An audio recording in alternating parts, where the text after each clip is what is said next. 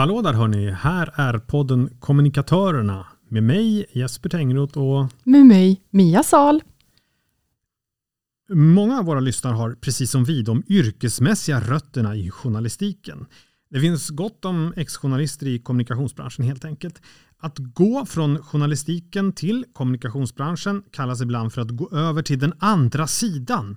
Den mörka sidan till och med. Ja, det professionella oberoendet som man värnar som journalist, det byts ju ut mot partiskhet så snart man tar sig an ett kommunikationsuppdrag. Så är det ju. Sant och relevant gäller förvisso fortfarande, men kommunikation och journalistik är långt ifrån samma sak. I våras bjöd Bonnier News in övriga mediebranschen till en konferens för att diskutera ett brännande hett ämne. Journalistbristen i Sverige. Den svenska mediejätten har i flera års tid upplevt det som allt svårare att rekrytera personal till sina redaktioner. Och för den som en gång i tiden lämnar journalistiken på grund av arbetsbrist eller alltför osäkra arbetsvillkor, så finns idag helt nya möjligheter på andra andra sidan. Eh, journalist är ett bristyrke och det som efterfrågas allra mest ute på redaktionerna, det är yrkeserfarenhet. Men hur ska man då tänka om man överväger att kliva tillbaka in i medievärmen? Kan man bevaka allt? Hur ska man förhålla sig till sina gamla arbetsplatser? Och vad kan man ha för nytta av sina år på kommunikationssidan? Det går att byta bransch både en och två gånger. Det är vår poddgäst ett levande bevis på. Staffan Dopping började arbeta som journalist under sena 70-talet och har sedan dess programlett i både radio och tv. Allt från Listan via TV4 Nyhetsmorgon och Studio 1 i P1. 2005 klev Dopping ut från journalistiken och in i kommunikationen. Han blev Försvarsmaktens första informationsdirektör och stannade i kommunikationsbranschen i 13 år. Sen några år tillbaka är han åter i journalistiken, nu på Kvartal. Välkommen Staffan Dopping. Tack så mycket. Hörru, eh, vi pratade precis innan du kom lite om dig förstås. När inte det du hoppas hörde. jag verkligen att ni gjorde. eh, och konstaterade att det var både eh, radio, tv, eh, kommunikationsbranschen och så tillbaka till journalistiken ja. eh, genom åren. Hur har den där resan varit? Ja, Bumpy Road som hon sa Rita Hayworth i den där gamla filmen. Um, nej men alltså, resan är ju över 40 år lång. Så vilken del är det som du tänker på nu? Nej, nu väljer jag bara att ställa en sån här allmän uppvärmningsfråga. Jaha, för jag tänkte att du skulle liksom få, ja, få chansen att det, liksom lägga upp linjen själv lite. Jaha, okej. Okay. jag, jag blev journalist redan innan jag fyllt 20. Och eh, var egentligen blev det för att jag ville tala i radio, inte så mycket för att jag ville avslöja skumrask och sådana saker, utan det var faktiskt själva radiotekniken och det magiska med, med att komma ut med den mänskliga rösten eh, till, till människor i direktsändning. Det var det som var min drivkraft. Eh, sen visste jag inte vad jag skulle göra av det där. Och så blev, sen var det på 70-talet när jag blev journalist och då var det väldigt speciella strömningar i samhället. Jag är liksom en produkt av min tid och sådär. Jag gillar verkligen att vara journalist men jag är inte den här typen som i första hand vill nagla fast makthavare och så. Men jag har ju inte varit journalist hela vägen som du antydde utan varit kommunikatör i 13 år från 2005 till 2018. Och det är väl det som ni är frågvisa om har jag förstått. Ja, mm. absolut. Men får jag bara ställa en fråga till Mia? Det är lite roligt när du säger det, så att egentligen så blev du inte journalist för att du ville avslöja en massa, mm. utan det var roligt att prata i radio. Ja. Ändå så är det ju numera som man liksom ser dig i de mer seriösa sammanhangen. Det känns lite konstigt, då borde du ha hållit fast vid listan och allt det där. Ja, det finns annat än listan om man inte ska nagla. Alltså jag jobbade ju på TTs radioredaktion som 21-åring läste alltså nyheter. Det var seriöst, det var nästan gravallvarligt och en aning formellt. Men det var, jag, jag läste ju upp nyheter som andra hade skrivit. Så jag menar, nej men det, det, det, jag har gjort enormt många olika saker och det har varit det allra mest allra minst seriösa är ju listan och det var popsnöre och det var väldigt ytligt och tramsigt. Och det allra mest, två saker som är mest seriösa. Det ena är att läsa TT-nyheter i radio på 70-talets slut. Jag tror att jag läste upp när Elvis Presley hade dött 77. Eller att vara informationsdirektör i Försvarsmakten är ganska seriöst också. Så från listan till TT och Försvarsmakten och däremellan har jag försökt hitta rätt sedan dess. För det är de här eh, hoppen in och ut ur eh, journalistiken som vi är lite nyfikna på nu, ja. eller som vi vill prata om. Vi har tagit avstamp i eh, journalistbristen som faktiskt råder just nu i Sverige. Eh, och vi vet ju också att i kommunikationsbranschen har vi jättemycket människor som eh, kommer från journalistiken, som har gjort den resan som, som du gjorde eh, tidigare. Ja, ja. och det vi vill liksom peta lite är väl hur, eh, hur tänkte du när du lämnade journalistiken? Tänkte du då att det här, nu, nu kommer jag aldrig tillbaka? Mm, det gick ju inte till riktigt så därför att eh, jag lämnade, det var tillfälligheter. Jag sa upp mig från Studio 1 i slutet på 2004 och det var inte med tanke på att bli kommunikatör utan det var med tanke på att komma, bli frilans och få eh, mera handlingsfrihet och kunna ta flera olika uppdrag. Jag tyckte att det var lite syrefattigt i, i Radiohuset just då eh, och var lite trött på det. Jag ville inte lämna radion. Jag ville fort, fortsätta att göra Studio 1 och liknande program eller Godmorgon Sverige där det varit tidigare. Men jag sa upp mig för att få en större frihet och bli frilans. Eh, och började då i februari som frilans 2005 och då fick jag inga jobb alls på radion. Jag trodde jag skulle få komma tillbaka som frilans men jag fick inga uppdrag däremot på Sveriges Television. Men lite senare, våren 2005, så får jag först en förfrågan plötsligt på telefon av något sån headhuntingföretag om jag kan tänka mig, jag tror jag kan säga det nu utan att jag bryter allt för många tabun, om jag ville bli kommunikationschef på dåvarande Sveriges kommuner och landsting. Jag tror att jag fick den i mars eller april den här frågan. Och eh, då hade jag en del frilansuppdrag och sådär. Hade inte tankar på att lämna journalistiken då. Och, men sa direkt, korkat nog, nej. Direkt på telefon, nej. Det där tror jag inte att jag kan och jag är journalist och jag sa direkt nej. Eh, och jag hade nog sagt nej ändå, även med eftertanke. Men jag tycker man ska inte fatta sådär snabba beslut. Men i maj samma år så blir jag uppringd av en person som jag känner och som jobbar på Sveriges Radio. Och han säger då att hur du, de funderar på om inte du skulle vara en ny, bra informationsdirektör i Försvarsmakten. Den frågan får jag då i maj 2005. Jag kommer ihåg att jag är precis på väg upp på Norra Latin och ska moderera någonting. Jag, precis, jag får liksom telefonsamtalet och säger att jag, ringer efter senare. Sådär. Eh, och då i maj, då hade jag den här idén om att lämna journalistiken och kanske bli kommunikationschef om jag nu var förtjänad en sån post. Då hade den börjat att gro inom, in, i mig. Och då, alltså först i maj 2005 när jag faktiskt är journalist och det går någorlunda hyggligt, så tänkte jag att det här kan jag jag kan lära mig någonting. De är så bra på ledarskap i Försvarsmakten. Sveriges Radio, jag är inte så imponerad av cheferna som jag har sett där. Tänk om jag, om jag ska bli chef en gång, kanske Sveriges Radio, då kan jag kanske lära mig någonting i Försvarsmakten och så kanske jag kan få, göra intressanta saker och höjd lön och alla möjliga saker som gör att eh, en viss tristess försvinner. Så att jag tackade ja till att gå in i en rekryteringsprocess och var så jag kom. Det var så jag lämnade journalistiken. Det var absolut inte en sån här överlagd grej snabbt och sånt utan det har med Försvarsmakten att göra. Men det låter ju då som att du tänkte att du skulle få lite erfarenheter på kommunikationssidan som sen kanske skulle gå och ta tillbaka in i journalistvärlden igen. Ja, jo, Eh, och jag var 49 år gammal då och har alltid tyckt att, trott att jag är yngre än jag är och sådär. Ehm, så att jag trodde nog att jag skulle kunna göra det. Ja, det var en, det var en, en, en tanke som jag hade. Men framförallt, jag har även en gång tidigare så har jag varit eh, FN-soldat på Cypern ett halvår på 80-talet. När jag kände att ett avbrott på Radio Stockholm skulle vara bra. Så att jag har haft no, lite av en orolig själ som, som eh, lätt känner att jag behöver ha någon mer omväxling och sådär. Så att men det var också naturligtvis prestige. Ska, tänk, kan jag bli, bli liksom den högsta kommunikationsansvariga personen, jobba med Sveriges ÖB, eh, Försvarsmakten som visserligen hade något av en downperiod 2005. Det, liksom, det var enormt mycket nedläggningarna och de, många ansåg att det behövdes ingenting. Men prestige, känslan av att göra någonting märkvärdigt, den, den var också, allt påverkar mig. Det finns, det finns fåfänga i, i mitt inre. Men, men gjorde du några sådana överväganden då det som, som man ju, den här snackisen som är att man går över till den andra sidan och allt sånt ja. där. Gjorde ja. du några sådana överväganden? Minns du det? Eller kände du bara att nu slog fåfängan till här så att du kastade allt bara över, över ända?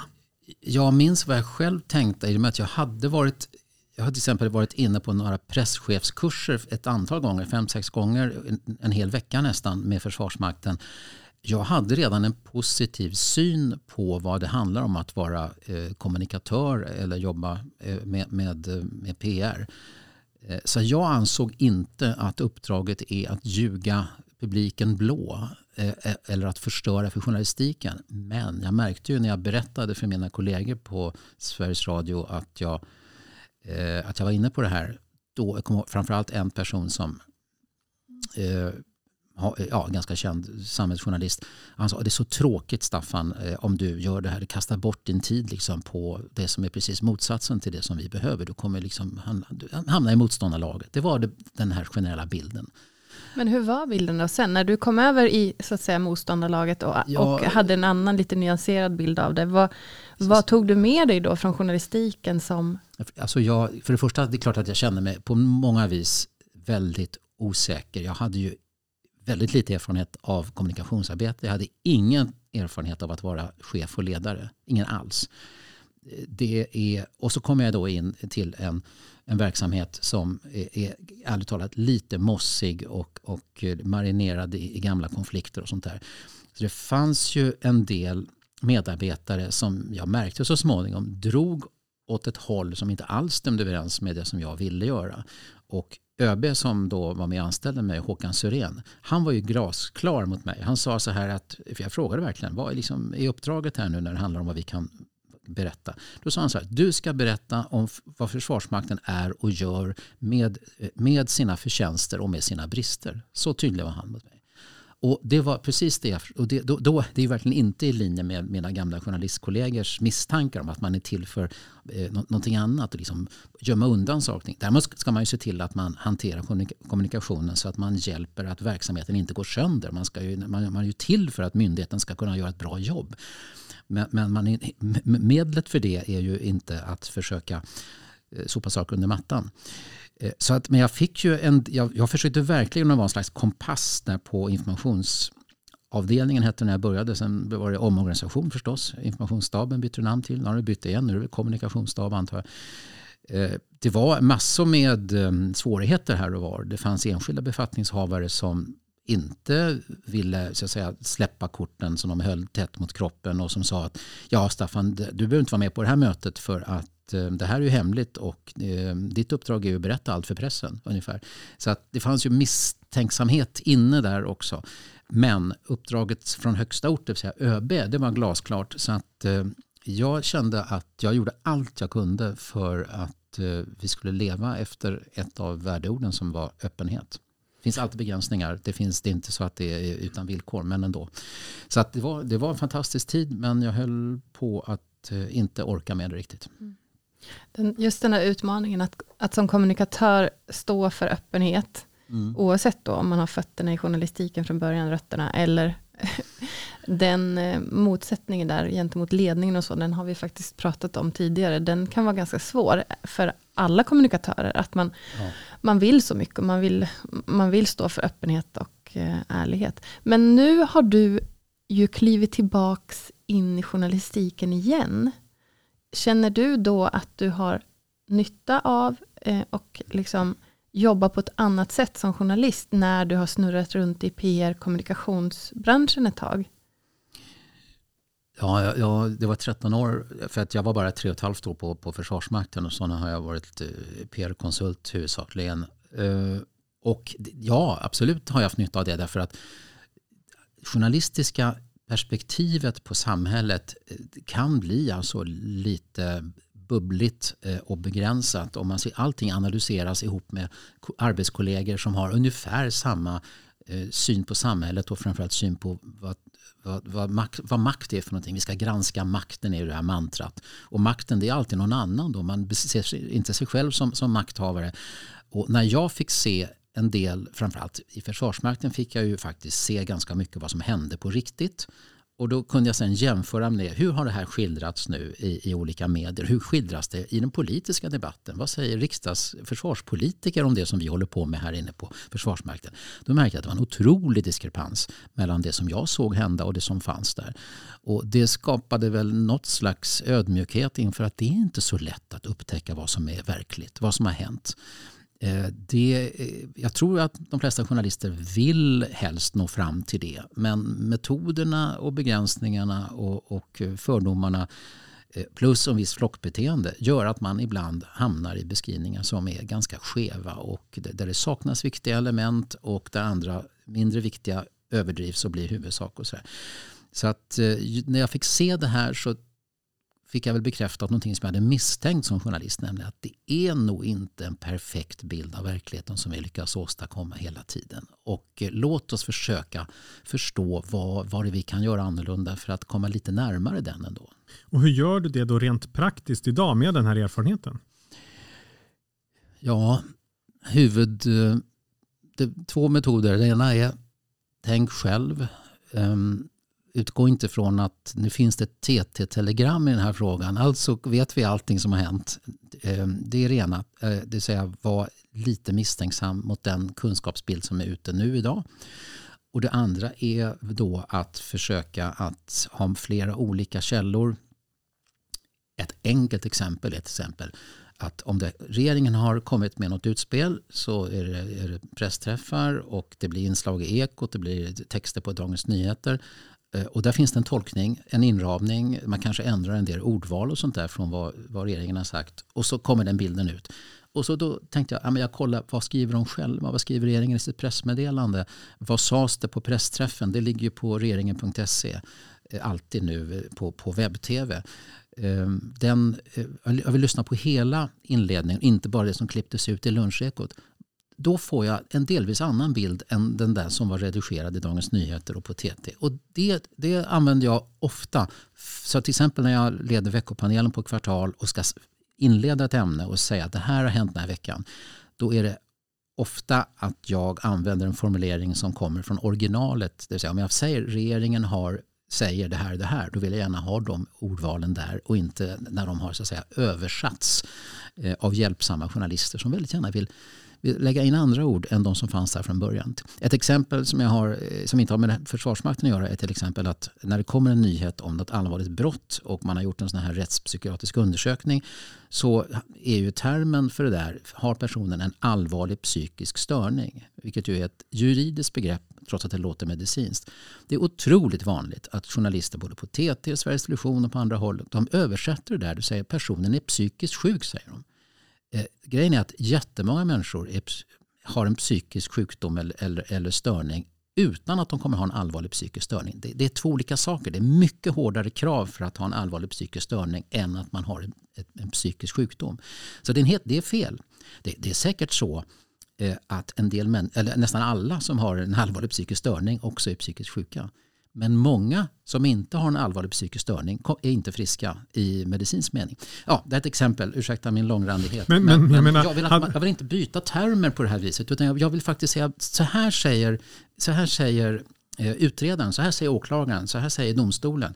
Eh, sen kanske finnas en debatt, men jag vill inte börja med den journalistiska tolkningen. Jag vill börja med det som hände i verkligheten. Men kan det inte bara vara livet så enkelt och erfarenheten som har, som har tagit till de, till de insikterna? Eller, du, kan du vill skilja på... Nej, jag bara tänker att, eller är, tror ja, att det verkligen hade krävts de här... Menar du, ja, ja, precis. Att ja. man liksom blir klokare med åren. Ja. Men, men, ut, men, men ser du verkligen kopplingen till att det här har jag tagit med mig från från, kommunikationssidan liksom, in i journalistiken? Ja, framförallt de gånger som jag sitter inne med en, en kunskap som kanske inte är allmänt känd eller inte får komma ut. Um, så, ehm, och det händer ju på Försvarsmakten och har hänt också i, i uppdrag som jag haft eh, som, som kommunikatör. Att jag har kunskaper som jag vore fantastiskt juicy stuff om jag hade varit journalist och kunnat använda det där naturligtvis. Eh, men jag har en annan roll då. Eh, jo, jag använder det. Så det, jag blir ju liksom idag misstänksam mot min egen förmåga att rätt tolka det som händer ibland. Det finns ju en slags eh, motståndsrörelse mot mig själv. Du, har du verkligen fattat det här rätt nu? Det kan, kan det vara på ett annat sätt? Ehm, men jag ska inte överdriva hur otroligt eh, omformad jag har blivit av det här. Det är klart att jag använder till stora delar liknande metoder som journalist i övrigt. Sådär. Men frågan var, liksom, har jag haft nytta av det här? Ja, jag tycker jag har haft enorm nytta av det faktiskt. Och jag kände att jag var på väg att bli en del av någon slags konformistiskt konformistisk Eh, konsensusbunkergäng lite grann. När jag har varit några år på samma arbetsplats. Man sitter på morgonen och har morgonmöte och det, diskuterar vad har hänt idag, vad har vi sett i tidningen, vad ska vi prata om idag. Det är nästan som att man sitter och har omröstning på morgonen om vilken verklighet det är som gäller idag lite grann. Man, man sitter faktiskt och diskuterar, argumenterar. Nej, det är det här som är det viktiga. Nej, det är det här som har hänt. Det, det, det, det är de där som är offer. Det är, det är de där som är skurken. Låt oss ta hit offret. Man bestämmer redan på morgonen vem som är offer för en händelse. Det vill säga, analysen kommer innan man har tagit in all information, tycker jag. Det är något av en karikatyr kanske. Eh, varför, sa jag, varför pratar jag så mycket? Jag vet faktiskt inte. Vi tycker det är ganska nice att ha gäster som pratar. Så det inte ser. Vi, vi är glada för det Staffan. Jag är uppe lite i gasen lite ja. grann när jag kommer till det. Skulle du råda, om du satt bredvid en ung journaliststudent som var på väg ut i journalistiken. Mm. Skulle du eh, råda honom eller henne att också under sin karriär göra en avstickare eller två till kommunikationsbranschen? Ja, det, ja, det tycker jag väl är en bra idé eh, att göra det rent allmänt. Ja, det är viktigt faktiskt att veta varför den här personen vill bli journalist för det första. Och jag måste erkänna, det har hänt så otroligt mycket under de åren som jag har varit i yrkeslivet och eh, jag är ju lite undrande över en del trender som sker i medievärlden.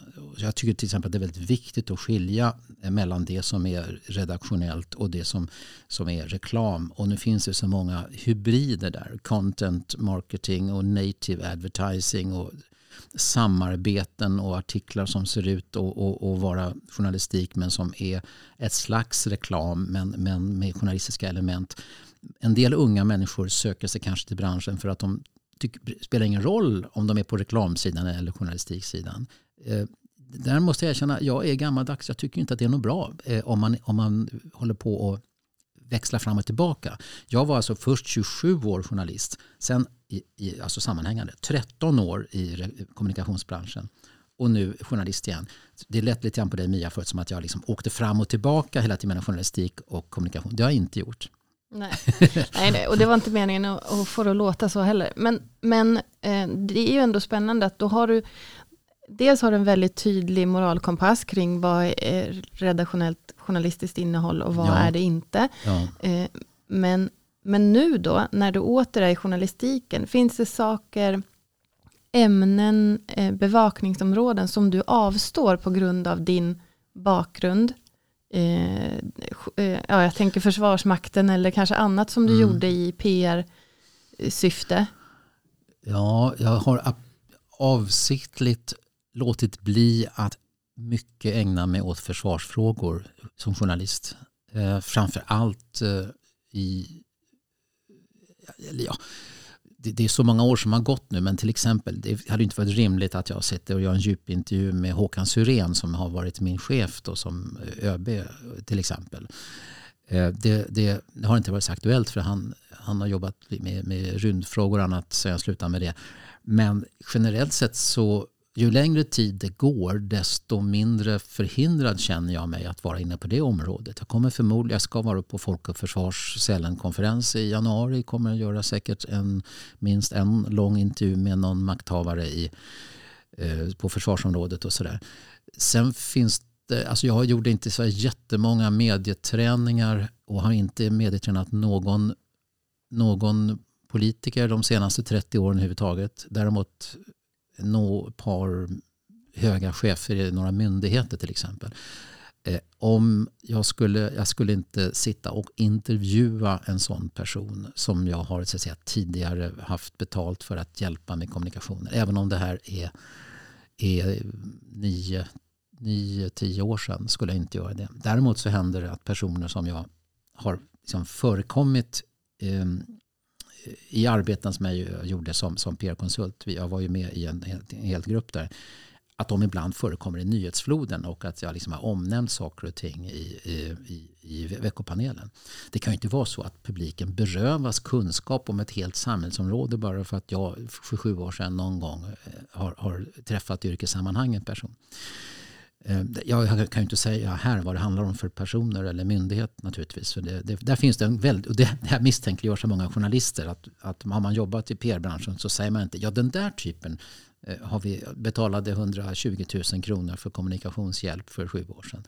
Det, det, det finns en sån regel, det gör man inte. Eh, så att det kommer jag inte göra nu heller. Men nej, jag, jag känner på grund av att det var ganska kort tid det där dessutom. Men det, alltså det, det, finns journalister som vill säga har du någon gång gått över till den mörka sidan så finns det ingen återvändo. Du kan mm. inte komma hit och bli, bli trovärdig. Eh, det eh, tycker jag är något eh, för, för svepande att säga så. Och det är just den här termen, den mörka sidan. Vi har pratat mm. om det, jag och Jesper här tidigare. Att, mm. att, och vi säger det ironiskt. Ja, men det är ju ja. någon slags skämt och eh, mer kanske bland oss som har eller är i journalistiken skoja sinsemellan när någon ska gå över till den mörka sidan. Eller så. Jag vet mm. det 17 om allmänheten i övrigt är så himla brydd. Eh, så länge man gör det med någon typ av ansvar och kompassriktning. Men har du någon gång åkt på i efterhand liksom däng för någonting du har gjort, i, oavsett bransch då, på grund av din bakgrund. Alltså, du borde inte vara här och och rapportera eller du borde inte stå här och kommunicera för du har det här med dig? Nej, eh, det har jag inte gjort. Alltså på kvartal där jag har varit i fyra år så har ju funnits invändningar. I början så var de stora finansiärerna anonyma.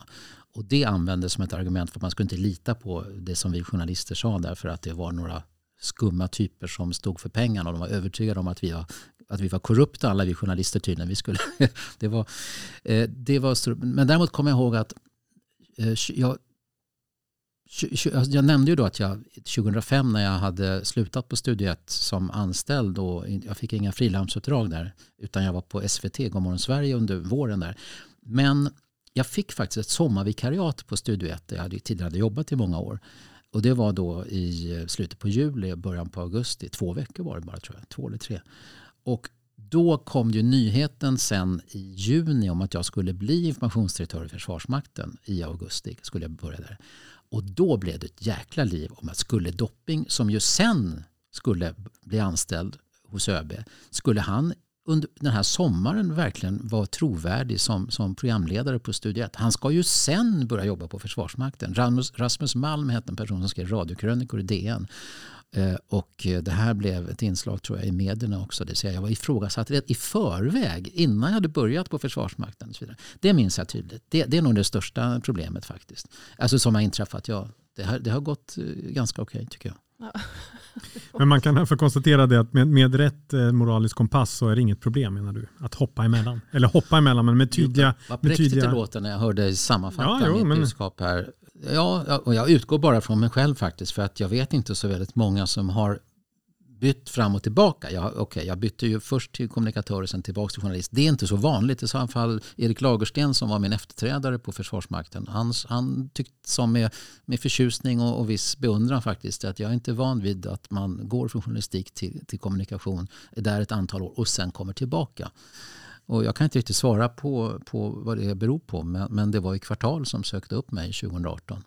Det har inte varit jättegott om jobb i journalistbranschen. Det kan ju ha lite med det hela att göra, kanske. Ja, och det är ju inte alltid som man vill ha en gammal räv som, som har, har varit där förr. Det ska vara någonting nytt och fräscht ofta. Så att det är rätt mycket trender som går också i vilken sorts journalisttyp man söker. I alla fall på den typen av medieföretag som jag har varit naturlig för så, så har det varit lite trender där. Vad skulle du vilja säga är trenden inom journalistiken nu då?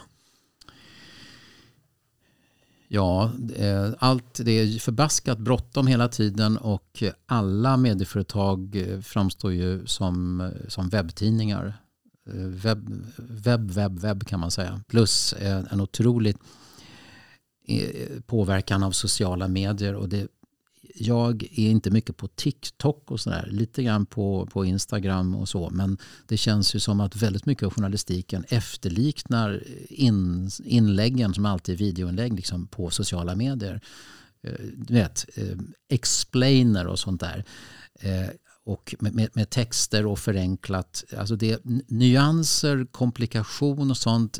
Ett, det har vi inte tid med. Två, det är för tråkigt. Det folk, folk vill ha något som är lättsmält. Det ska vara visuellt och sånt.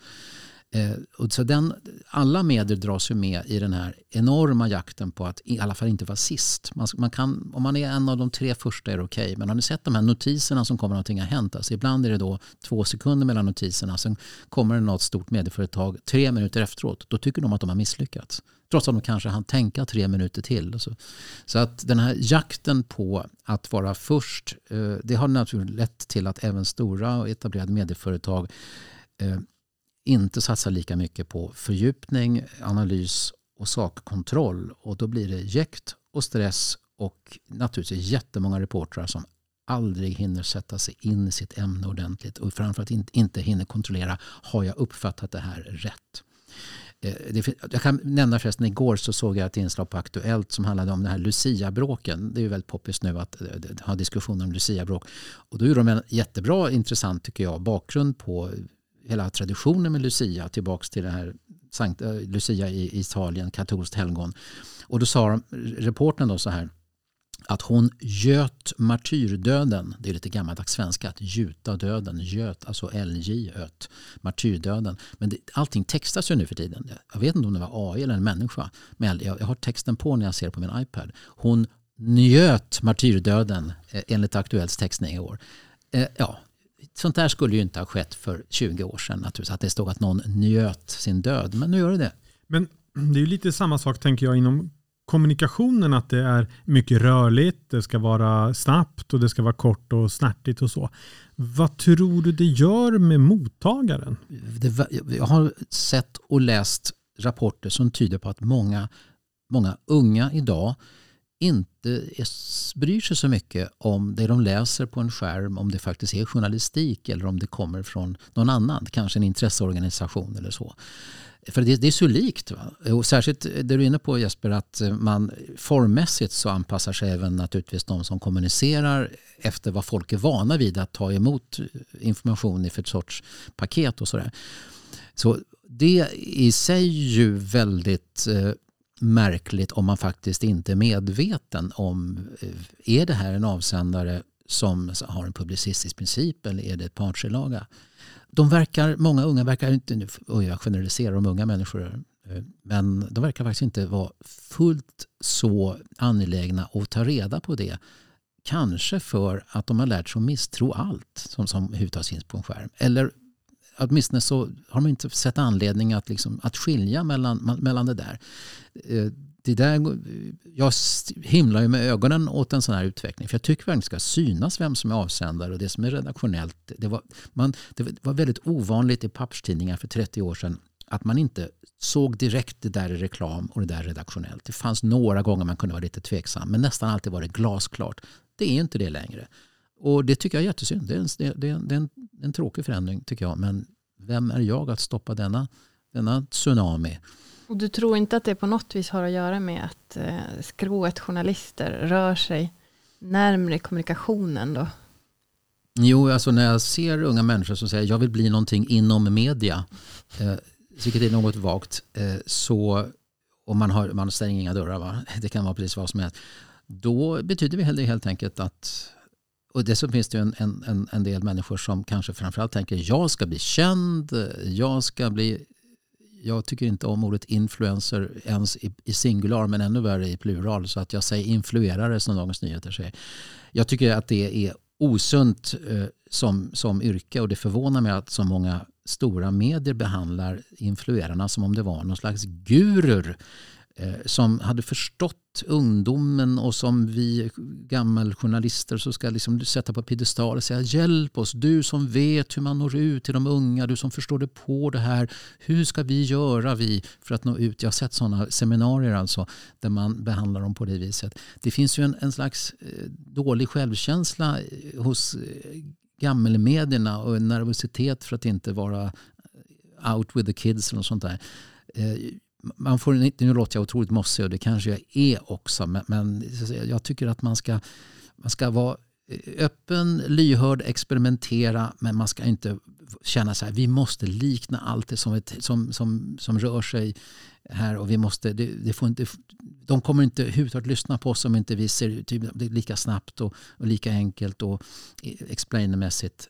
Det är ju ingen bra grund för att, att bygga journalistik. Det känns ju som att alla är superkommersiella då på det viset. Om det nu är så att mediebranschen peggar upp och anställer lite fler journalister igen, skulle det kunna vara en bra grej då om jag som lite mer senior människa, om jag är på väg tillbaka in i journalistiken, mm. att jag också ställer krav på att få ta tid per jobb, eller att, att eh, kanske inte vägra göra snabba jobb, men, men eh, om, om man nu ska dra nytta av det, det man har med sig, så att säga. Nu söker jag ett jobb hos er, men först en lång kravlista. mm.